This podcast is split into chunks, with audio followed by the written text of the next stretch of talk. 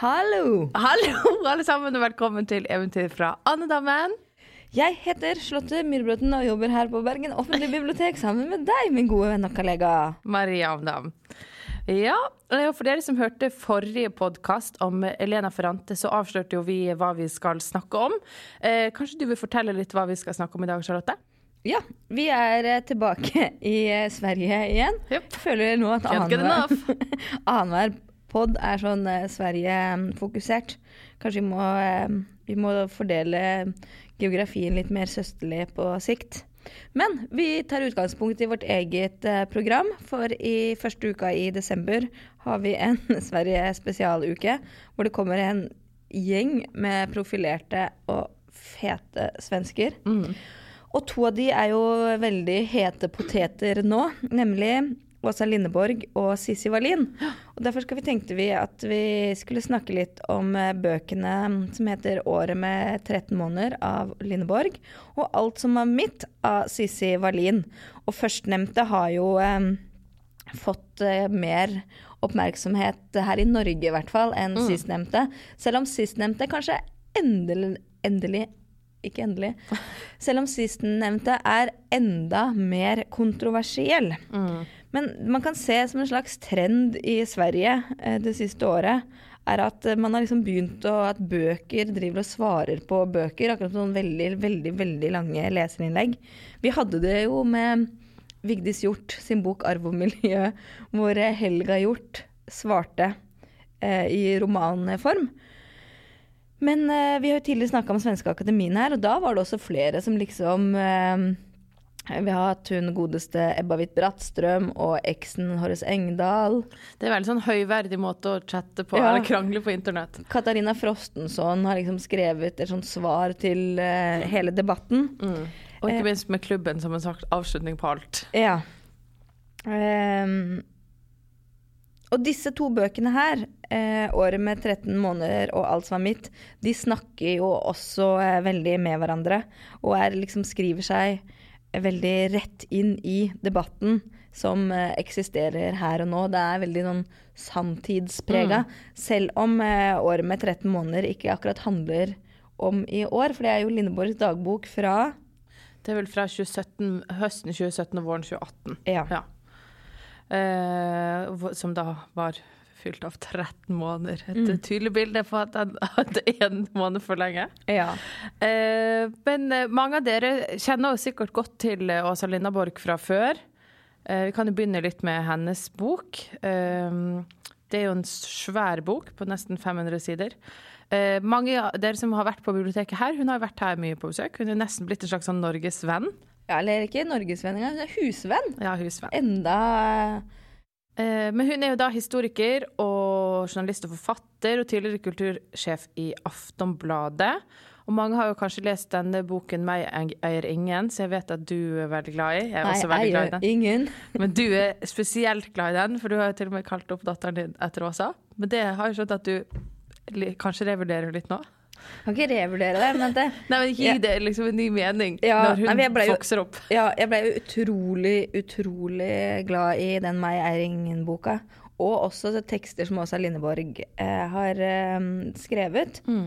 Eh, men jeg likte kanskje mer enn sånn eh, Jeg mister, jeg mister r-ene. Eh, jeg likte veldig, veldig godt den boka 'Meg Eiringen og mange av Åsa Lindborgs tidligere tekster. Og selv om hun skriver fortsatt ofte bra, så har vi kanskje gått litt til hvert eh, vårt eh, hold. Mm. Hun har jo alltid vært liksom veldig opptatt av eh, klasse og kaller seg kommunist og sånn. Og eh, eh, har hun kanskje blitt litt mer eh, liberal. Ja, det kan vi si, og det kommer vi litt inn på etter hvert. Eh, Meg jeg eier ingen er jo da en skildring av hennes egen oppvekst, hvor hun vokser opp med sin alkoholiserte far. Eh, det er et veldig vakkert portrett, så hvis man ikke har lest den, så er det veldig verdt å lese den. Eh, hun eh, er jo også å høre på P2 hver søndag nå for tiden. I uh, Norsken, svensken og dansken. Mm. Programmet til Hilde Sandvik hvor de har pan-skandinavisk familieterapi. Uh, og Det er derfor hun har blitt så uh, liberal. Hun har hengt for mye med Hersen og Hilde Sandvik. De har blitt, de har blitt veldig sånn Å, har du hørt hva de sier på universitetet? Ja, de begynner å bli veldig støpt i samme skje Ja, de begynner å bli veldig like, de Ja. tre. Men sånn er det. Vi også har jo begynt å snakke veldig likt etter du begynte å Mm. jobbe her. Man blir, man blir påvirka av eh, vennene og omgivelsene sine. Har Kanskje fått, det er det eh, som har skjedd med Åsa Lindborg òg. ja. Eh, Men i denne dagboken, da, som hun eh, kaller den, denne boken 'Året med 13 måneder', som kom nå i sommer, det er rett og slett en dagbok. Hun sier jo det at hun har skrevet dagbok hele livet, og dette er jo da en slags sånn omskrevet dagbok. For hun sier jo det at hun har jo utelatt en del eh, sladder, holdt jeg på å si. En del sånn eh, opplysninger og sladder og, og ting som kanskje vil være veldig utleverende for folk, da. Så det er jo en redigert dagbok som begynner eh, liksom i månedene før eh, det store metoo-eksplosjonen, og så frem til året etter. Og ja. Man, Jeg trenger ikke å ta på hånden. Ja. jeg skulle bare stoppe deg så at vi ikke skulle snakke i munnen på hverandre. Ja. Men den er ikke mer eh, redigert enn at den f.eks. åpner med at hun står i dusjen og vasker vekk. Spermier fra mitt lår. Ja, det er ganske, det er ganske sånn privat. Overraskende, kanskje, når man begynte å lese. Eh, Det er jo et veldig, veldig nært og kroppslig eh, portrett av henne selv, på en måte. Eh, Det handler veldig mye om dette med å bli eldre, ikke sant. Hun begynner jo å bli en dame som drar på åra. Ikke- Hun er jo ikke gammel, men hun begynner å komme i en sånn overgangsalder mellom liksom å være eh, i slutten av 40-årene og ung og kul, og liksom begynner å gå inn i en sånn derre Hun begynner å bli en voksen kvinne, på en måte. Som, hun er en- sier sånn Jeg har eh, Hva er det hun sier? Tunge øyelokk som Nei, tunge øyelokk som min mor. Myke kinn som min mormor når hun ser seg i speilet. Ja. Og det er jo sånn man kan kjenne igjen dette med å begynne å bli eldre og sånn. Det må være en forferdelig opplevelse. Jeg er jo bare 29 år, så jeg vet ikke hva det handler om. Um, men det handler veldig mye om dette eh, det kroppslige, ja. Men det òg um, Hun har jo da et, eh, en relasjon, et eh, forhold til sin kjæreste. P, mannen hennes P. Alle er jo på en måte, han er jo ganske sånn anonymisert i boken, da. Eh, men vi har jo selvfølgelig stalket oss fram til hvem han er. Han er en ganske kjent skuespiller, så du kan prøve å stalke det fram selv. Hva heter han? Peter. Ja, det var ikke så viktig, tydeligvis. eh, men han er jo da eh, ganske mye eldre enn henne, og forlater henne da for en yngre kvinne, i samme grad som han forlot sin eh, fru for Åsa. Så det er jo et sånt mønster som gjentar det seg, da, så hun får et veldig sånn eh, dramatisk opplevelse av å liksom bli forlatt. Være den som før var begjært og liksom eh, fikk, eh, fikk Vant han til slutt. Når han liksom eh, opplever hun det samme selv, da. Og alt dette her skjer i samme tidsperiode. Ja, for det er, tre, det er liksom tre ytre ting som skjer. Det er metoo, det er Svenske Akademien og eh, selvmordet til Benny Fredriksson. Ja. Det inn, inni, og dette at hun blir forlatt. Så det er liksom disse ytre tinga for samfunnet. Men det er utrolig masse om det indre som skjer. Liksom det kroppslige forfallet. At hun er, begynner å synes hun er eh, eh, Tjukk. tjukk. Det syns jo ikke vi. Det, vi. det er litt trist å lese om. Vi syns du er fin også, hvis du hører på. Stå på. Vi syns du er skjønn. Vi syns du ligner på en svensk Gillian det, det Gillian snakket jo litt om at det det er litt sånn eh, man snakker om sånn derre eh, hvordan skal vi liksom slutte å sammenligne oss med hverandre? Det at hun oppgir vekten sin og sånn, det er jo aldri Det synes jeg vel, det liker jo ikke vi. Vi hun, Og klesstørrelse. ja, hun veier utrolig lite og utrolig synd. og Sånn, da får hun alle oss andre til å føle oss megatjukke. Så hun får, kan ikke Maria har faktisk fått spiseforstyrrelser siden hun leste Men hun har liksom en, Det er vel en dagene hvor den eneste dagboksnoteringen bare er sånn Ryggfettet. Så det er sånn Herregud! Men eh, vi hadde en eh, kommentar på det, så var det sånn Det er bra at hun viser at Eller en vi diskuterte dette med, da. Ja, for jeg ble egentlig overbevist Ja. For vi var jo sånn «Å, Slutt å skrive sånn. Ja. Da finnes hun der!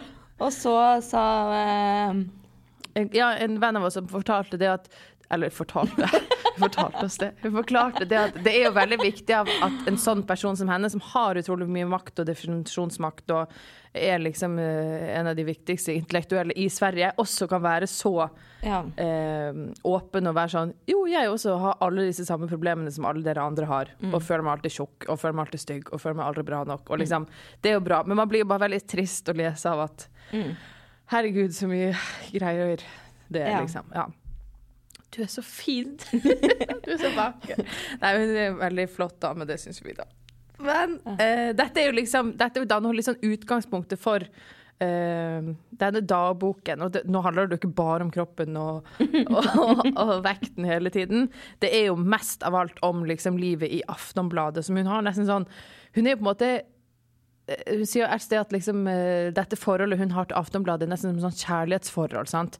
Hun er helt sånn besatt av jobben sin. Og dette med at hun, hvor hun vokste opp med faren sin, så, alltid, liksom, så hadde de alltid Aftonbladet. Og det å begynne å jobbe der Hun var utdannet historiker og tok liksom doktorgrad, og sånn, men det å jobbe i Aftonbladet, det var liksom det høyeste man kunne gjøre. det. Da. Veldig liksom fullverdig og viktig, fordi at det var på en måte på arbeidernes side, og en veldig sånn riktig og viktig jobb.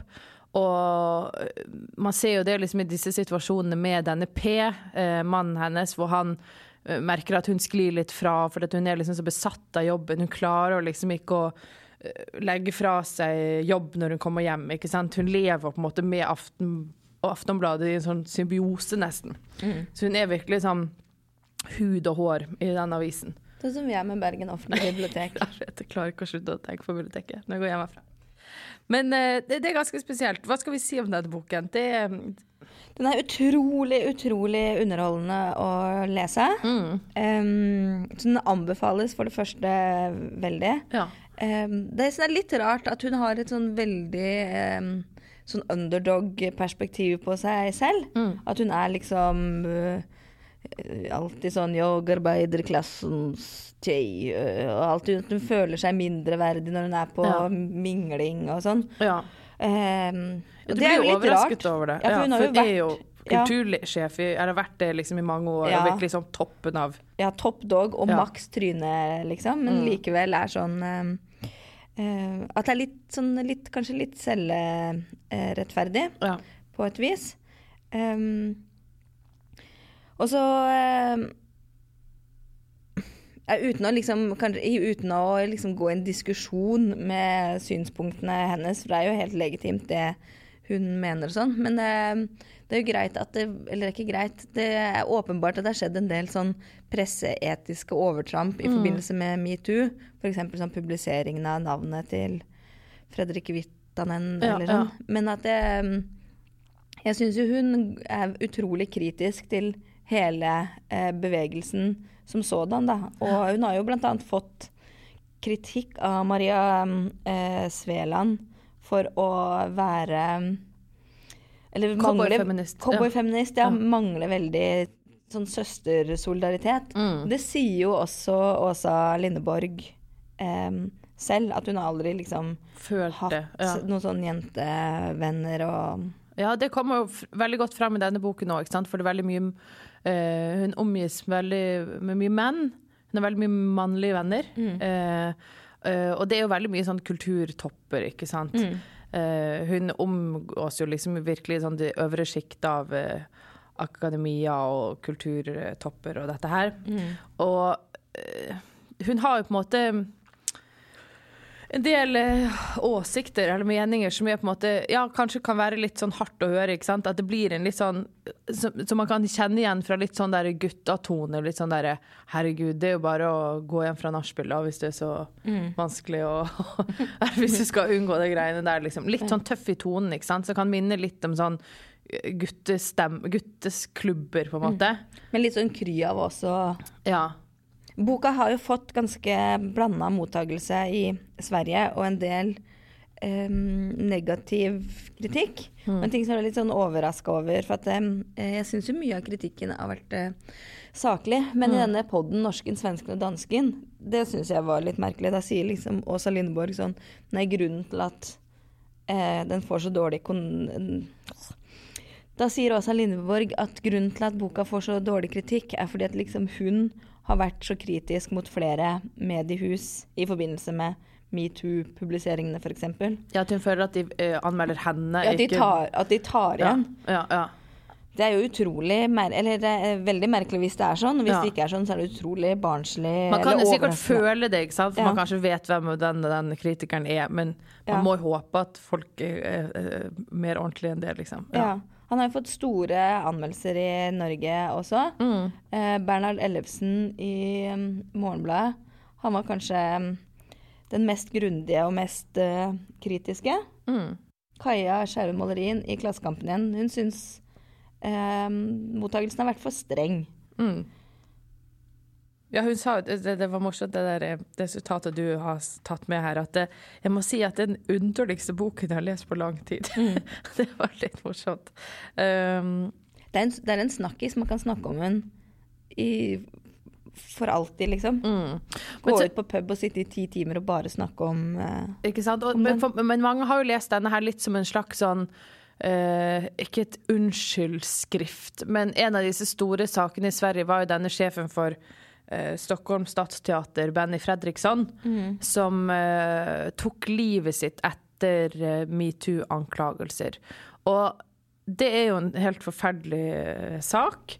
Og det som har skjedd her, er jo at Åsa Lindeborg var på en måte ganske krass i sin kritikk av han, og skrev noen ganske sånn eh, skarpe eh, innlegg i denne tiden hvor disse avsløringene kom, og liksom Mange har jo eh, gitt henne litt av skylden for dette selvmordet, som er en ganske sånn drøy påstand. Og hun liksom beskriver jo uh, scener i butikken hvor uh, hun står liksom i fruktdisken på Ica, og så er det bare en dame som hvisker ved siden av henne sånn Benny Fredriksson. Mm.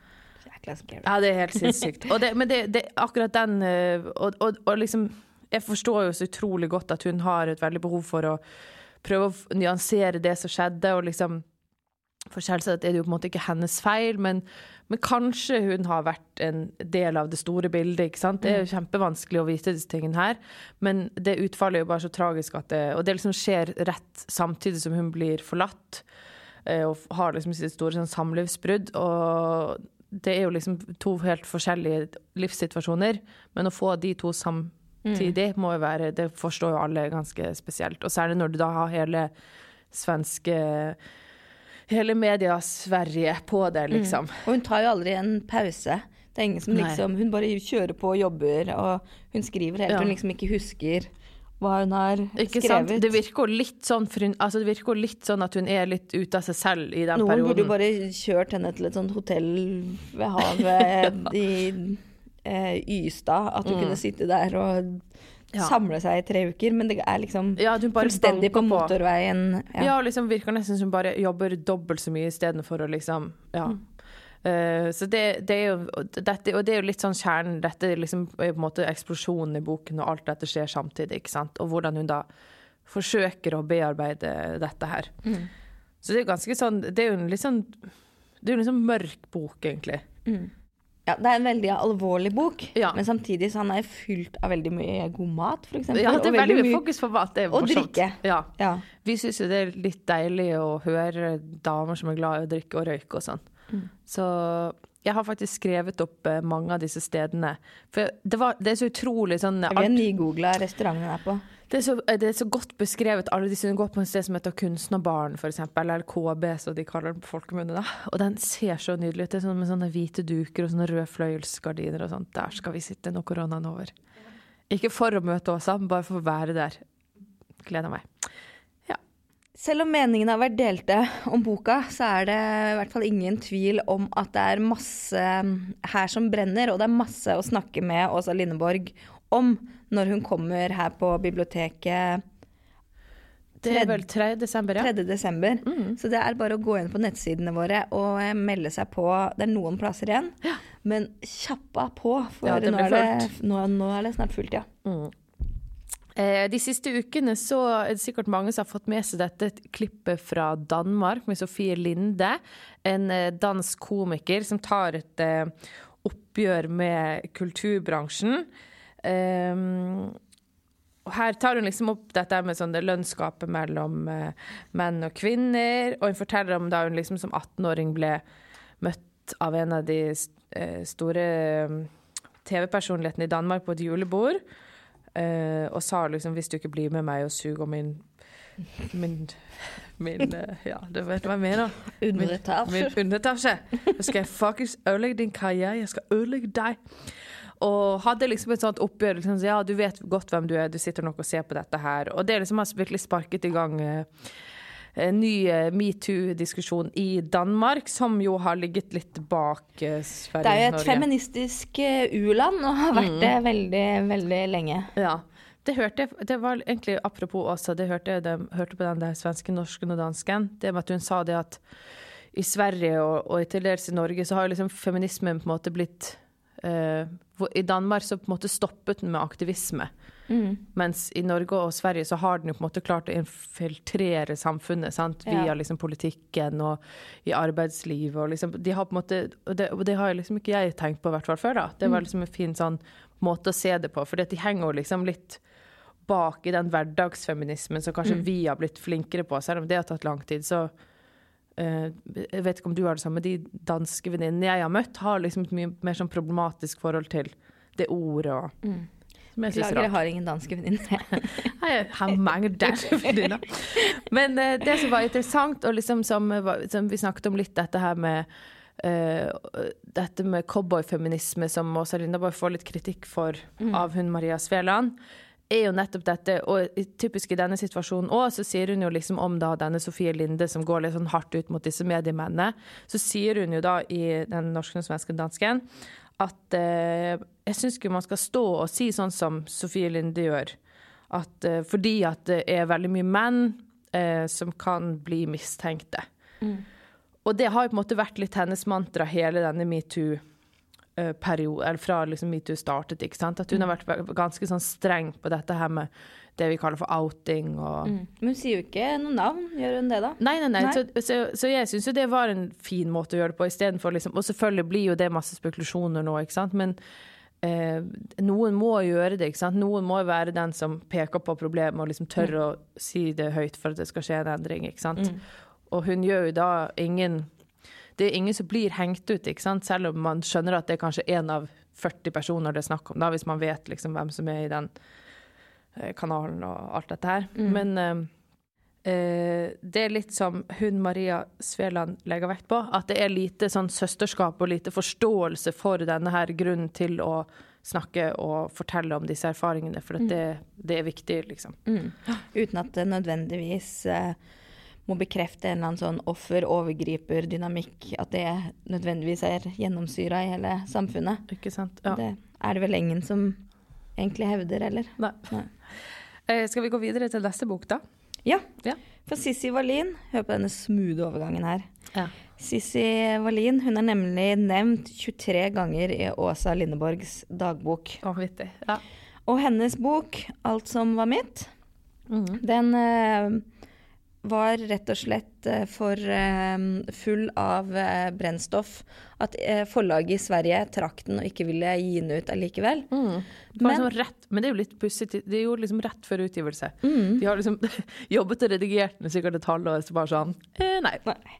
Så det sier jo litt at de hadde fått liksom en ny juridisk vurdering og bare sånn OK, her kommer det til å bli ærekrenkelsesanmeldelser, som vi skal komme inn på etter hvert. Men Sissi Wallin hun har gitt den, ut på, eh, gitt den ut selv i Sverige, og så har den blitt gitt ut på norsk eh, forlag her i Norge. Ja, Memo. Memo. Um, vet ikke om eh, dere kjenner til hvem Sissi Wallin er, men hun har liksom vært et sånn radionavn og en spaltist. Mm. Du som er sånn rockepelle, du satt sikkert og digga filmen 'Tjenere kongen' Oh, når den yeah. kom. Det gjorde vel du òg, din Ja. Rockefeller 2. Og der spiller nemlig Sissy Sissi Wallin. mm. Um, Åsa Lindeborg hun er ikke så uh, mildt sagt positivt. Vil du flekke opp noen sitater fra boka? Ja, jeg syns det er Det er litt fascinerende dette her med uh, Sissi Wallin, fordi at eh, Hun er virkelig en sånn der eh, I Sverige har hun virkelig blitt en eh, karakter som folk har veldig sterkt forhold til. Enten så er de virkelig med henne, eller så er de virkelig imot henne. Og man kan jo si at Åsa er jo virkelig på den siden som åpenbart har noe imot denne eh, kvinnen. Eh, og når hun liksom skriver om uh, henne i dagboken sin, så skriver hun hun trigger noe i meg. Jeg forstår ikke hva hun har oppnådd i sitt yrkesliv, mer enn at hun har hengt seg på folk.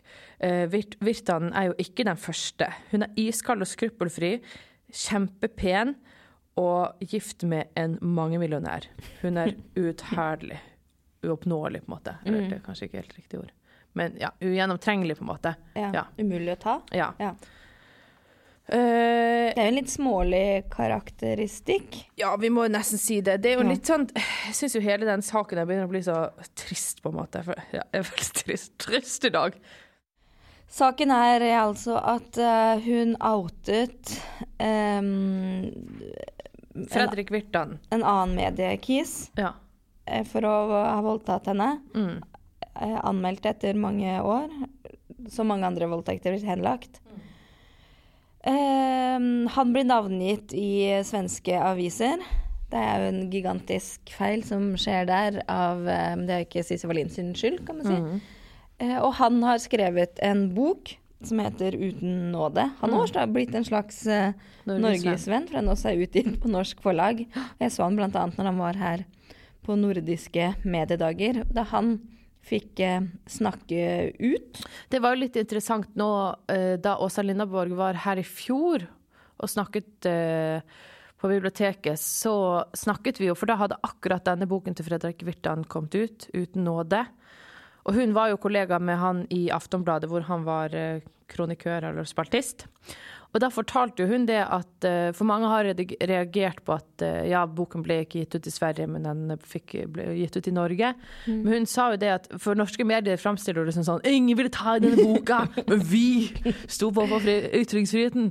Men så fortalte hun jo det at eh, grunnen til at den ikke blir gitt ut i Sverige nå, er bare for at folk syns det er for tidlig. Det er for tidlig. At det er for betent, liksom. Ja. Og at han ikke hadde sendt det til alle forlag heller.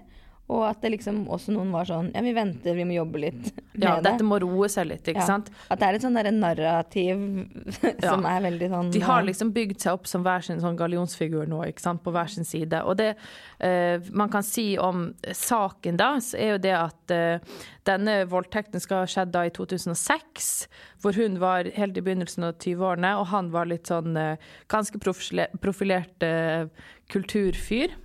Eh, Feministisk skribent, han også. ja. Eh, og det han påstår, er jo dette at det er liksom en, en kveld med dårlig fyllesex og litt sånn oi, hopsi dopsi, nei, det ble ikke noe av. Og virkelig ser ikke på dette som en voldtekt. Mens hun opplever dette som et voldtekt og et overgrep. Og hun har altså blitt dømt for ærekrenkinger i svensk eh, rett. Har anka, så det venter på at det skal komme opp. I Ja. hennes bok nevnes jo ikke hans navn, selv om alle vet eh, hvem det er. Ja, I hans bok er jo hun nevnt hundre ganger med fullt navn, liksom. Jo, han bruker vel navn, gjør han det? Skriver han ikke Instagram-kjendisen? Å, jeg trodde han bruker Sissi Wallin. Jeg Ja, tror han bruker det litt eh, hatske betegnelsen Instagram-kjendisen. stemmer det. Ja. Um, det som ikke vi skjønner, eller at det ikke vi er smarte nok til å skjønne, det er jo så mye sånn vi skal brenne Koranen, vi skal si hva man vil. Vigdis Hjorth kan få skrive hva hun vil. Ja. Vi kan Ja. Litteraturen står sterkere bla, bla, bla. bla. Men Hvorfor akkurat hun? Ja. Alle liksom Det fins jo så mye hvor man skriver og anklager og Det, det, det, det er veldig fascinerende, for det, det som jeg sier Det er liksom hun og kamelen. Ja. Hun får ikke lov å si sånn 'det har skjedd', eller Ja. meg og kamelen får ikke lov å si 'fuck politiet'. Ellers Mm. får alle lov til å si akkurat hva man vil. Men det er jo litt som at mediene gjør de til sånne verstinger, ikke sant. At uh, i Sverige så er folk liksom lei. Det virker som Pendelen snur, ikke sant? Ja, ikke sant. Og det er sånn, du følger sikkert også Sissy Wallin på Instagram, Mm. som er på en måte ganske interessert. For hun skriver veldig mye om dette her, ikke sant. At når denne boken nå kom ut i Sverige, så er det på en måte som de anmelder henne som person. Mm. Nå har Sissy Wallin vært ute igjen og mener det og det og det. Liksom at de liksom ikke klarer å skille verk fra person, da. For at de er liksom Det er så mye spenning rundt henne. og det, det er liksom det jeg mener, det er liksom blitt så vanvittig med den, den saken her. ikke sant? Denne voldtekten eh, som da skal ha skjedd for 15 år siden, eh, virkelig har klart å det- forstår man jo, sant? Ikke sant? hvis man eh, opplever en sånn situasjon som hun beskriver i boken, og ha den følelsen av at ingen tror på deg, ikke sant? saken blir henlagt. Eh, han får leve videre og på en måte bare bygge karriere. Og som hun skriver i boken, så snakker hun jo også med veldig mange andre kvinner som har opplevd det samme med denne mannen. Eh, og det må jo være en sånn utrolig sånn meningsløs tilstand hvor ingen tror deg, ikke sant? Og så til slutt blir liksom, sitter du i retten dømt for ærekrenkelser mot den mannen som måtte påførte deg. Eh, Alle kan jo forstå at i det tilfellet må det jo være superfrustrerende. Eh, ja. Da sitter jo også Fredrik Wittenen og med sin forklaring. Han jo, mener jo at det er sitt liv som har blitt lagt i grus, ikke sant. Ja. Så det blir jo eh, Det er ord mot ord, og det det er det som er så utrolig vanskelig i disse voldtektssakene. Ja. Ja. Det er helt, og du kan forstå liksom eh, hvor frustrerende det er. Mm. Ja. Og nå har jo også Fredrik Wirten Han har vel varsla at han skal eh, gå til sånn eh, søksmål mot det norske forlaget. Ja, ja, Men ja. som jeg så eh, på sin side ikke har tenkt å, eh, å trekke. Ja. Nei, forlaget driver jo ganske sånn hardt og forsvarer nå at boken skal ikke trekkes. Eh, han vil vel at de skulle trekke den etter, uke, etter en uke og komme med en sånn offentlig beklagelse da, til uh, han. Så det er, utro, altså det er jo helt utrolig at liksom den natten har ført til liksom 15 år med full krig. Det er virkelig Det er en veldig spesiell sak. Men så tror jeg så boka har solgt veldig godt. Jeg så akkurat hun ga sånn 100 000 til ROX, som er et slags sånn krisesenter. Ja, for at pengene skal gå til kvinner i, som liksom sliter med Ja. traumer og overgrep. Um, men hva vil du si om eh, boka 'Alt som var mitt'? Forstår du eh, ståheien? Ja, eh, det, det eneste jeg på en måte syns er litt sånn synd liksom, fall, Når man leser den, så får man veldig medfølelse for henne. Eh, og kanskje særlig som kvinne, ikke sant. Dette her eh, hun kjenner på i ettertid. For det er jo liksom som, som sikkert mange har lest om og hørt om før, dette her at i tiden etter det De har liksom én kveld sammen, hvor hun da opplever at han presser seg på henne når hun sover og eh, ikke lar Ikke stopper når hun ber ham om det. Eh, så er det jo også det at de har liksom litt kontakt i ettertid, og da er han ganske sånn pågående og vil gjerne møtes og sånn, men hun merker liksom mer og mer at hun har egentlig ikke lyst til det. Men hun svarer på en måte hyggelig på meldinger, og det har hun jo fått veldig mye kritikk for i retten. ikke sant? At det er sånn derre Ja, men du sa jo at han var en, en bra fyr, og liksom Eh, Men så begynner hun liksom mer og mer Akkurat som på en måte traumen innhenter henne. da. At hun begynner å kjenne på sånne fysiske reaksjoner og panikkanfall. og Um, Og det er vel ganske en sånn klassisk uh, reaksjon, er det ikke det? Jo, med å det, det virker som folk ikke skjønner at folk at det ikke vil ja. være et offer, så man bare fortrenger det. Ikke sant? Og det forstår man jo kjempegodt, for alle, altså, altså, alle skjønner at ingen vil være et voldtektsoffer og gå rundt og være sånn hei. For hele livet ditt vil jo alltid bli definert av Ja. det, ikke sant? Det vet jo man at det, hvis man står fram som et voldtektsoffer, så vil alltid det liksom være førstesetningen om deg. Det er liksom ikke uh, Marie kvinne, det er liksom vært voldtektsoffer. Ja. Um, og, og du forstår liksom veldig godt at hun uh, begynner å plages med dette her. Um, og det tar jo da litt tid før hun velger å anmelde han, ikke sant? Mm. Og når hun da gjør det, så er det liksom like før saken eh, blir foreldet og sånn, så hun må på en måte få gjort det, og det blir jo da henlagt. Mm. Og det er jo liksom da hele denne prosessen med å begynne å liksom Der hvor liksom denne selvjustisen kommer inn, da, at hun blir virkelig sånn eh, Når hun da opplever at rettssystemet ikke tror på henne, så føler hun da at hun må ta saken i egne hender, som da bunner ut i dette Instagram-bildet som hun deler rett før metoo eksploderer. Men det er mange år mellom Ja, anmeldelsen og metoo. Um, Ja, det er vel eh, seks-syv år. Ja, så det er ganske lang tid, ikke sant. Men det eneste jeg savner litt, er at hun eh, Det er veldig mange andre kvinner som hun snakker med og forteller om, som er anonymisert da, i boken, som har lignende erfaringer. Um, som man kanskje jeg vet ikke, man, For de kommer på en måte ikke på banen på samme måte som hun gjør. Uh, liksom Det er jo problematisk med mm, um, ja, anonyme kilder. Ja. Spesielt i disse Og det, det, det blir liksom sånn der, Når man ser på den sammenligna med liksom den um, norske saken som har gått nå i sommer, med Gaute Drevdal, som ble dømt for ni sovevoldtekter. Han har jo anket. Mm. Men eh, der var det jo også denne bevisbyrden, Eller liksom grunnen til at han det kunne gå til, var vel nettopp fordi at de var så vanvittig mange. ikke sant? Mm. At dessverre må man liksom være Ja. en haug med folk. Og selv det, Ja. det fikk jo kritikk, det mm. også. Så Ja. enten er det sånn Ja, du er bare deg, hvorfor bare deg? Eller så er det sånn Å, dere har rotta dere sammen i en sånn heksering som er Mhm. ute etter å ta noen. Så det er jo en- Man får jo veldig lite altså Hvis man liksom skulle oppleve noe sånn selv, eller man kjenner noen som har opplevd noe selv, sånn selv, så frister det jo liksom så lite, ikke sant? For, det, for det ser så meningsløst ut når du leser statistikker på hvor mange som blir dømt for disse tingene, Mm. det er virkelig det, det er jo ikke sånn det skal være. Um, men uh, så, så det liksom savnet jeg litt sånn, for, sånn, Jeg skulle ønske liksom hun hadde litt flere med seg, da. Mm. uh, akkurat i denne saken her. For hun, det virker veldig som hun står ganske alene. Selv om hun har mye folk rundt seg, og sånn, så er det liksom Det er virkelig en kamp hun har tatt selv, da. Um, Hun skriver jo veldig lett og ledig, og det er en lettlest bok, selv Mm. om eh, temaet er tungt. Én ting har hun til felles med eh, Lindeborg sin bok. Eh, også hun beskriver seg selv veldig som en sånn Jeg er en landsens eh, arbeiderklassejente som prøver å komme og se og bli sett, og ikke forstår eh, det sosiale spillet i utelivs-Stockholm og mediebransjen. Så sånn sett er det grunnleggende narrativet. Så har de to eh, noe veldig til felles, da. Så når Valin kommer, så eh, Også her tror jeg det er mye å snakke om, for jeg tror få har opplevd et, et år med så mange oppturer og nedturer som hun eh, har gjort i det siste. Hun beskriver jo uh, veldig mye om nettopp uh, sånn søsterskap, hvor mye det betyr ja. for henne at det står liksom fremmede damer utenfor rettssaken, eller For blomster fra norske feminister. ja. Eh, at det eh, At det, nettopp det da er veldig viktig for henne. Mm.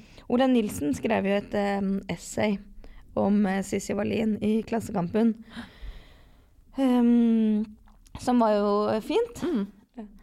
Verken Virtanen eller Valin anerkjenner sin egen definisjonsmakt. Ingen av de anerkjenner smerten til motparten. Virtanen går mye lenger i sin selvransaking enn Valin. Han innrømmer f.eks. at han har svart på en melding fra ei jente med å spørre om hun vil ligge med han.